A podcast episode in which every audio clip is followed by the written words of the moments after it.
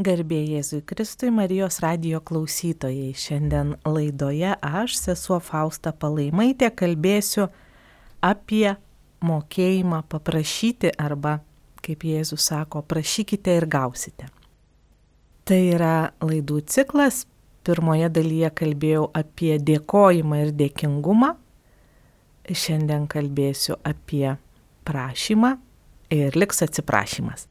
Tai trys žodeliai, kuriuos popiežius ragina naudoti šeimose, darbuose, savo aplinkose, kad mūsų santykiai, mūsų bendravimas būtų šiltesnis, mielesnis, kad pajustume daugiau meilės ir galėtume ją dalinti su kitais, nes toks kiekvieno žmogaus pašaukimas į šventėjimą į meilę.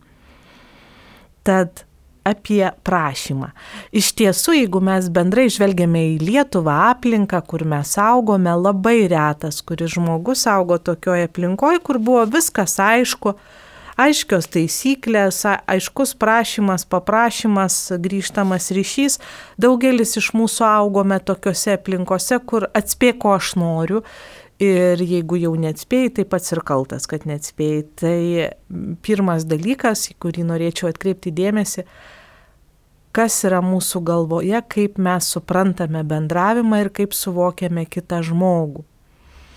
Tai jeigu jau atlikome dėkojimo pratybas, esame turtingi, žinome, kad visko turime apščiai, taip pat jau sužinojome, kad ir kiti žmonės yra apščiai apdovanoti, visko turi ir jei du tokie žmonės susitinka, jie mielai vienas kitam patarnauja, kad būtų daugiau džiaugsmo ir daugiau bendrystės tiesiog yra bendras žmonių noras vienas kitam padėti. Nes padėdami kitiem, patenkintami jų poreikius, mes irgi patenkiname savo poreikius. Tad prašymas įvyksta trimis kryptimis - su savim, su kitu žmogum ir su Dievu. Evangelijos eilutė prašykite ir gausite yra nukreipta į Dievą. Ir Jėzus žada, kad tikrai, tikrai Dievas išklausys prašymą ir suteiks prašantiem ne to, ko jisai prašo, o šventąją dvasę. Tai yra to, ko iš tikrųjų žmogui reikia. Ir šitas netikėtas evangelinės eilutės užbaigimas, dar pridedant, kad jūs būdami nelabi, moka duoti gerų dalykų savo vaikam ir prašančiam ten žuvies neduodat skarpiono ar akmens ar dar ten kažko, duoda tai, ko reikia jūsų vaikui, net jei jūs nesate tokie šventi kaip Dievas. Tad pirmas svarbiausias dalykas, kuris mums yra kaip užduotis, suprasti, ko aš noriu, ko man iš tiesų reikia. Va ir čia priklauso, kaip žmogus save suvokia, kas yra jo gyvenime svarbiausia kai kalbu su žmonėmis, su žmonių grupėmis, klausiu, dėl ko jie pyksta, kas atsitiko, ką jie norėtų pasakyti, ko paprašyti kitam žmogui, kad vat, ta situacija būtų mielesnė, ko jie nori. Tai labai dažnai žmonės sako, aš noriu, kad mano vyras pagrįžtų namo laiku, ar ten aš noriu, kad vaikas susitvarkytų savo kambarį aš noriu, kad darbe su manim elgtųsi pagarbiai. Tai viskas gerai, tik tai norai yra susijęs su savim, ne su kitais žmonėmis. Jeigu mes bandom įaiškinti, kad kitas kažką turi daryti, jau čia yra susipainiojimas. Tad pirmas žingsnis, pirma užduotis visiems ir, ir man pačiai - suprasti, ko aš noriu, koks yra tikras mano poreikis. Nes netgi apaštalas Jokūbas sako, jūs neturite, nes neprašote. Jūs prašote ir negaunate, nes negerai prašote, tik savo įnoriams patenkinti. Tai kogi mums reikia? Ir kadangi mes jau esam turtingi, apdovanoti žmonės, turim labai daug galių, gebėjimų, tai iš tiesų pirmiausiai turim suprasti, kad mes patys galime patenkinti labai daug savo poreikių, bet juos pirmiausiai reikia suprasti. Tad keletą minučių skirkime pakalbėjimui apie tuos poreikius, kokie jie būna. Tai mes visi suprantam fiziologinius poreikius, kad reikia pamiegoti, pavalgyti, kad būtų kur gyventi, apsirengti, kad būtų mums saugu ir, ir jeigu jau yra nesaugu arba vat, dėl kažkokių lygų ar dėl e, kriminogeninės situacijos bijom išeiti tamsoji į kiemą, jau mum, tie va mūsų patys pagrindiniai fiziologiniai poreikiai jau jie yra tokie vat sunkiai mūsų pačių patenkinami. Tačiau yra dar daug poreikių, kur žmonės net nežino, kad jie juos turi, jų net pažįsta. Ir kai barasi ant vaiko ar konfliktuoja su savo kolega, tie žmonės net negali pasakyti, o kogi aš noriu. Ne kad tu darytum, bet aš noriu. Tai pavyzdžiui, toks yra poreikis galimybė pačiam pasirinkti. Tai yra pasirinkti svajones, vertybės, tinkamą planavimą, kaip pasiekti savo svajones, įgyvendinti savo tikslus. Ir e, daug žmonių pakalbėjus su jais, ko jie nori, ko jie trokšta, tai dažnai būna kažkokie tarsi numirę projektai, kur čia mums reikia, čia reikia išvažiuoti, čia reikia padaryti, čia reikia. O ar tai pasirinkta, dažniausiai būna ne. Ir va jau iš šito kyla nepasitenkinimas, visokie kaltinimai, reikalavimai, nes žmogus neišdryso pasirinkti ir pasakyti savo aplinkoje, kokios yra jo vertybės. Ir labai dažnai pasakius, išaiškinus e, savo vertybės, žmonės kiti jas gerbė, priima. Aišku, jeigu nenoriu jiems primesti, kad jie lygiai tokiom pačiom vertybėm gyventų. Štai pavyzdžiui, aš pagal savo įsitikinimus, man yra nepriimtina horoskopai, kalbėjimas apie zodijako ten tuos ženklus ir visus kitus dalykus. Nors darbuose ir šiaip aplinkoje tai yra viena iš tokių nekaltų temų ir kur žmonės tuoj bando nustatyti, koks tu ženklas, kas čia tau galioja ir tiesiog man vieną kitą kartą paaiškinus, kad krikščioniškoj pasaulyje žiūroje tikėti horoskopais yra nuodėmė ir man yra nepriimtina. Aš pati nesidomiu, stengiuosi nieko apie juos nežinoti ir, ir nors virsta labai dažnai ir į kompiuterio ekraną tiesiog atidarius bet ką, ar šiaip straipsnių pavadinimai, kokio zodijako ženklo, kaip prašyti, kaip atsiprašyti ir su kuriuo geriausiai gyventi, stengiuosi net nežiūrėti, netidaryti ir nesigilinti šitus dalykus. Ir tai išsakius keletą kartų aš pastebėjau, kad mano darbo kolektyvas tai labai gražiai priėmė, nes aš jiems tai juk nedraudžiau to daryti. Ir buvo tokia situacija, kad vėl kažkokioje situacijoje kažkas ėmė kvosti, koksgi aš zodijako ženklas. Ir kitas jau kolega sako, ji netiki ženklais ir nekalba apie tai. Ir tiesiog va, tokia aplinka pasidarė konkreti, kuria priemamos vertybės. Bet aš tuo tarpu turėjau prieš tai paaiškinti ir pasakyti savo, savo pasirinkimą. Tad be galo svarbu yra žinoti, ko aš trokštų, kas man svarbu ir kaip aš to sieksiu. Gali būti, kad aš to nepasieksiu, bet aš esu atsakinga, kad tų dalykų siekčiau. Negaliu kaltinti arba reikalauti, kad kitas žmogus už mane siektų mano svajonių. Negaliu prašyti, kad kitas žmogus atspėtų, ko aš noriu, apie ką svajoju, nei aš, jeigu net ir pati nežinau, arba sugalvotų mano bendruomenės, mano namų, mano šeimos narys, man svajonę, man tikslą, man kažkokį užmojį. Gali būti, kad kažkuris aktyvesnis žmogus taiga sugalvoja, važiuokim kažkada kažkur tai ir tai tampa visų svajonė. Planuojama, kaip važiuosim, ką veiksim, kad būtų patenkinti visų norai ir poreikiai, kaip suskirstysim laiką. Viskas tvarkoj. Bet gali būti, kad man visai ne prie širdies toks būdas važiuoti ar kažką daryti. Tad pasirinkti turiu pati. Antra poreikių grupė yra galimybė paminėti svarbius įvykius, tai yra švęsti savo šventę, svajonių išsipildymą ir lygiai taip pat apgėdėti tai, kas neįvyko, netektis, savo planų neišpildymą ar praradimus kažkokius tai. Ir vėlgi, tai labai priklauso, kaip mes jaučiamės, jeigu gebame švęsti patį savo viduje, mūsų šventės, nu, vargiai ar kas galės sugadinti, pagerinti galbūt, bet kad neįvyks šventė dėl to, kad kažkas neteis, ar nepastebės, ar neprisimins, ne, taip nebus, nes aš švenčiu viduje, švenčiu pirmiausiai su savo viešpačiu, kuris man duoda jėgų, noro, troškimų ir, ir jų išsipildymą. Ar tai gimtadienis yra, ar tai krikšto diena, ar tai yra... Aš dar švenčiu savo įsidarbinimo dienas, dar švenčiu draugyščių dienas, visokių susitikimų, įvykių. Mano kalendoriui labai daug švenčių. Ir jeigu pastebėjot, katalikų kalendoriui kiekvieną dieną yra švenčiamas, minimas kažkoks šventasis. Taigi šventės mūsų tą kasdienybę padaro spalvingą. Ir reiktų atskirti tokį dalyką, kas yra šventė ir kas yra balius. Tai balius tai yra išorinė išraiška kažkokio tai paminėjimo. Yra daug žmonių, kurie smarkiai balevoja ir e, iki atminties praradimo, bet e, apie šventes jie nieko nežino.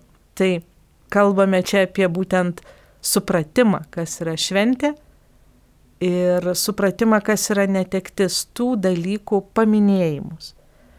Ir vėlgi, jeigu aš noriu švęsti savo gimtadienį, savo šventę, kur yra mano ir kažkieno kito, aš galiu pasakyti, štai šiandien yra ta diena, kai mes susipažinome, arba štai šiandien ta diena, kai kažkada kažkas atsitiko svarbaus mums. Kitas poreikis yra pripažinimo mums reikia, kad įvertintų mūsų kūrybiškumą kažkas, reikšmingumą, naudingumą. Jeigu vaikui niekas ne, nesakytų, kad gerai, patinka, džiaugiuosi, vaikas nesuprastų, kokios yra jo stipriosios savybės. Didelės dalies tų savybių jis neišlavintų. Jeigu vaikui nepasakytų, kad tu turi klausą, tu gražiai dainuoji, tai jis ir nedainuotų galbūt. Jeigu vaikui nepasakytų, kad tu puikiai paaišai, man patinka tavo piešiniai, tau gerai sekasi, jis neišlavintų šitų dalykų. Mums suaugusiems taip pat svarbu yra gauti šitą pripažinimą arba įvertinimą, kad suprastume, kad mūsų veikla, mūsų pastangos tinka, yra priimtinos. Ir tai žinome, kad daugelį įstaigų, darboviečių yra tie būdai, kur tiesiog yra mm, suteikiamas įvertinimas darbuotojai, teikiami apdovanojimai arba kažkokie tai pagirimai, žodiniai pagirimai. Ir aišku, labiausiai laimingi yra tie darbuotojai, kai darbdaviai geba ne tik pasakyti šaunuolis, bet įvardinti, už ką jis yra vertinamas, už ką jam davė premiją, už kokį jo savybės arba už kurias pastangas, kokios čia yra vertinamos. Tai tiesiog yra svarbu ir labai daug žmonių praranda motivaciją negavę šitokio įvertinimo. Kita poreikių grupė yra pritarimo poreikiai, bendravimo, gyvenimo turtinimo. Gyvenimo turtinimo tai reiškia, kad mes visi norim vis geriau, kad būtų. Gal gerai kaip ir šiandien yra, bet vat jeigu dar truputį geriau, tai ir būtų geriau. Ir tai yra teisinga. Teisinga norėti, kad būtų geriau ir kai pasidaro blogiau, vėl yra teisinga norėti, kad pagerėtų emocinio saugumo, sažiningumo poreikis, meilės poreikis, pagarbos, paramos, pasitikėjimo, supratimo. Ir aišku, yra dar dvasiniai poreikiai, tai yra grožio, harmonijos, ryšio su savo kūrėju, tvarkos, mm, turbūt prie raišumo, prie tėvynės, prie tam tikrų dvasinių tokių vertybių, įsitikinimų. Tai šitų poreikių tikrai niekas už mus negali patenkinti. Jeigu mes esame aplinkoje, kur tie dalykai yra vertinami, aišku, grožiui vertinti ar ten kažkaip išreikšti yra lengviau, kai kitas asmuo tą moka padaryti šalia, tai mes matom tą estetinį pasigėrėjimą. Man labai yra įdomu, kai iš tikrųjų, jeigu salėje pakabinsime kreivai paveikslą, tai daugelis žmonių vis dėlto norės jį pataisyti truputį, kad jis tiesiai, tiesiai kabėtų kažkaip, arba bent galvos, kad jį reikėtų pataisyti. Tai yra natūralus mūsų noras estetinio tokio tvarkingumo ir, ir grožio. Tai va visi šitie poreikiai yra įdėti į žmogaus širdį. Dievas juos įdėjo kam? Kad žmogus judėtų, gyventų, patenkintų poreikius ir būtų laimingas. Pats Dievas duoda mums visokias priemonės šiem poreikiam patenkinti. Ir mes galime prašyti Dievo, bet taip pat gal, mums tenka paprašyti ir savęs kartais. Gal tai juokingai skamba, bet iš tikrųjų leisti savo, mm, iš tikrųjų pailsėti ir nieko nedirbti sekmadienį ar atostogų dieną, leisti savo pasinerti ypatingai tų dvasinių poreikių patenkinimą, kurti harmoniją, tvarką, grožį, gėri, kažkokį bendrystę, iš, iš kurios gal nesimato tiesioginės naudos, bet tai yra daug svarbiau negu kiti materialūs dalykai. Tad leisti savo savęs paprašyti ir įgyvendinti tai, ko mes trokštam, yra vienas iš tų dalykų. Ir e, ar jūs savęs paprašot, ar jūs savo leidžiat, tai yra toks labai paprastas dalykas - atsisėsti tiesiog ir pabandyti surašyti, ko aš trokštų. Būtent savo svajonę, savo vertybę, savo tuos dalykus, kurie man yra svarbus ir ką aš darau, kad pasiekčiau. Ir galbūt kažką tai ištiks supykimas, nes atrodo, kad tie dalykai yra nepasiekiami, tai reiškia, kad jūs tiesiog apleidot savo svajones ir nebetikit jomis. Kaip paprašyti kitų? Čia iš tikrųjų irgi yra nemažas menas. Tai pirmiausia reikia didelio paprastumo paprastumo pasakyti žmogui, ko man reikia, ko aš noriu. Gali būti žmogus netinkamas, aš galiu visą gyvenimą prašyti žmogaus, kad jisai su manim eitų dainuoti, jeigu jisai neturi klausos, tai jis, nu, nei su manim dainuoti. Sakys, aš nedainuoju.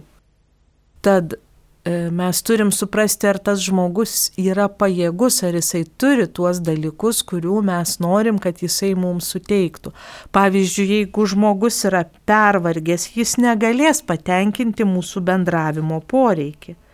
Arba jeigu žmogus išgyvena didelį stresą dėl savo reikalų, jis galbūt negalės mums suteikti įvertinimą taip, kad mes patikėtume, jog esame geri, tinkami ar kažkur turime pasistengti. Tad e, kreipdamiesi žmogų turime suprasti ir kokie jo poreikiai yra šią akimirką, kaip jam sekasi gyventi. Ir prašydami mes visada paliekame laisvę pasakyti žmogui taip arba ne, nes niekas kitas nėra atsakingas už mūsų poreikių patenkinimą, esame atsakingi mes patys ir supratę, ko mums reikia, galime savo šeimoje labai paprastai nebereikalauti, o paprašyti. Grįžę iš darbo, jei esame pavargę, yra didelis triukštumas namuose. Galime išreikšti savo poreikį paaiškindami, kad aš esu grįžus iš darbo, jaučiuosi pavargus, susitikau daugybę žmonių, Ir labai norėčiau dabar 20 minučių arba pusvalandį tiesiog pabūti tyloje. Ar negalėtum išjungti muziką arba įsijungti per ausines, prašyčiau.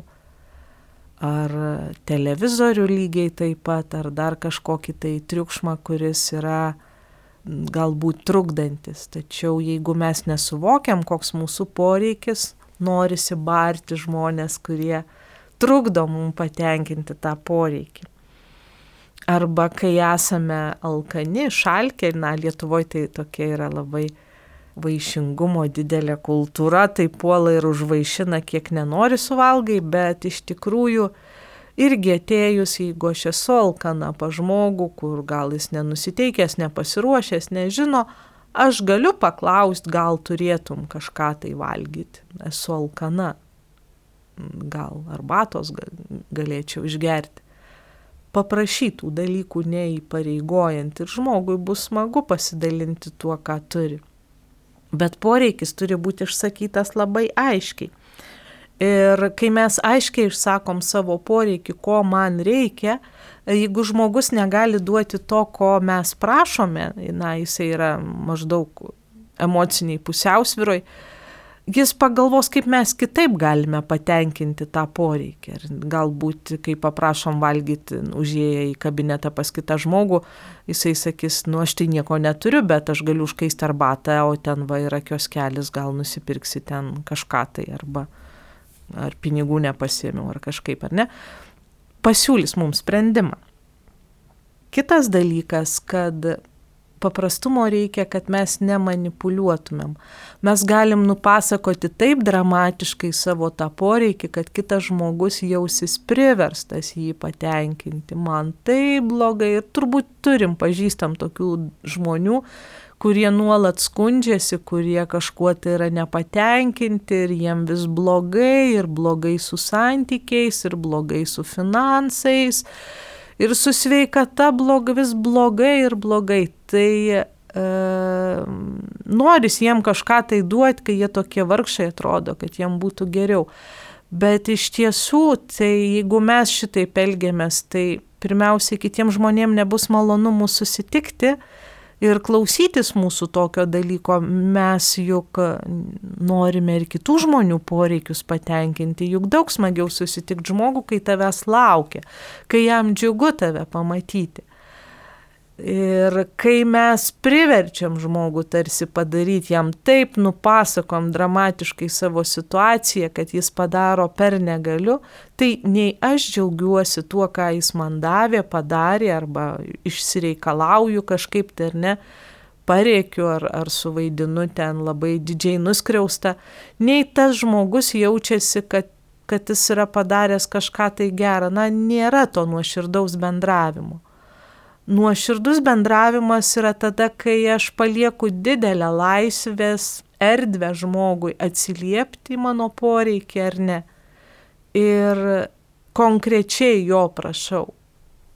Ar konkrečiai kelių žmonių prašau.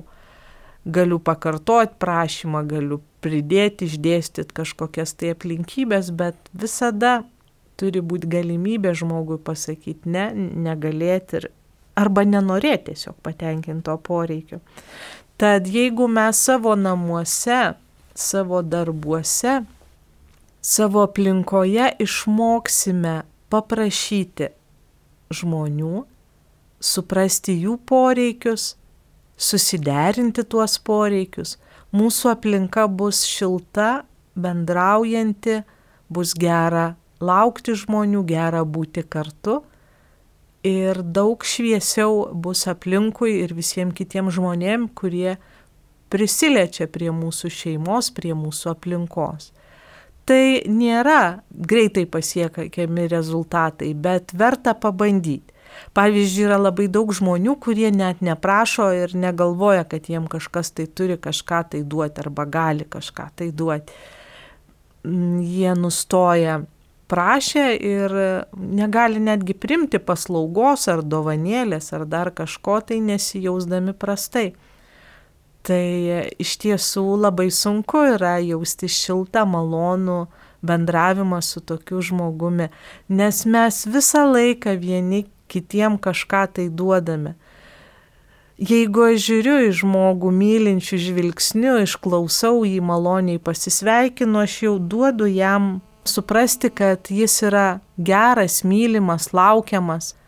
Jeigu aš galiu pasakyti, paprašyti, išreiškiu, kad aš tuo žmogumi pasitikiu. Ir bet koks bendravimas visada yra abipusis. Mes negalime būti kartu ir nuolat vienas kitam nedovano tam tikrų dalykų. Tad geriau būti sąmoningu, suprasti, kad va štai aš prašau, man davė, aš padėkoju. Irgi stengiuosi atkreipdėmėsi kito žmogaus poreikius, jam padėti juos patenkinti. Ir grįžtant į pradžią, jūs prašote ir negaunate, nes negerai prašote, tik savo įnoriams patenkinti, kaip sako Jokūbo laiške, mums primena, kad galvoje turėtų būti vietos ir bendrai vizijai, o kas čia dabar vyksta, kas čia yra svarbiausia, kas kito žmogaus gyvenime vyksta. Pamatuoti truputėlį nuspręsti, kas yra svarbu, kurie poreikiai yra svarbesni.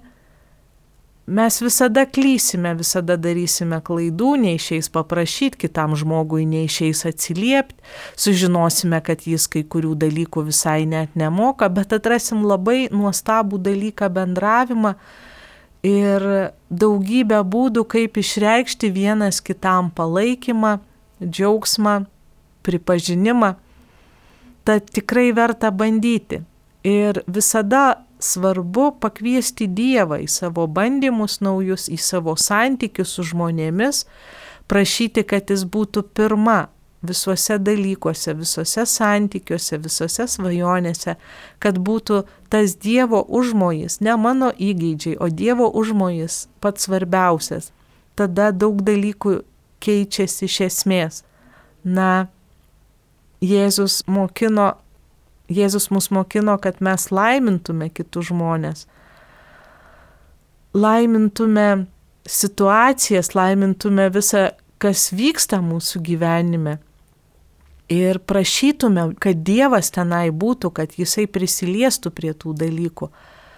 Tikrai viešpats pažadėjo atsiųsti mums šventą dvasę, kur mes esam nepajėgus suprasti savo pačių troškimų, norų, poreikių, kai mes esam nepajėgus išreikšti, kai mums nepasiseka, visada galime bandyti iš naujo, visada galime ieškoti pagalbos, kas mums padėtų suprasti šitus dalykus, nes regis toks paprastas dalykas - mokėjimas paprašyti, mokėjimas padėkoti, atrodo gal jis tik vieno žmogaus gyvenimą keičia, bet iš tiesų ne.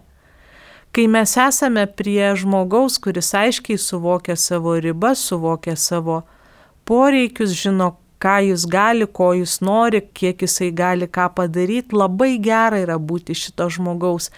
Tai dirbdami šitą darbą su savimi, su savo artimiausia bendruomenė mes keičiame visą aplinką, visą visuomenę.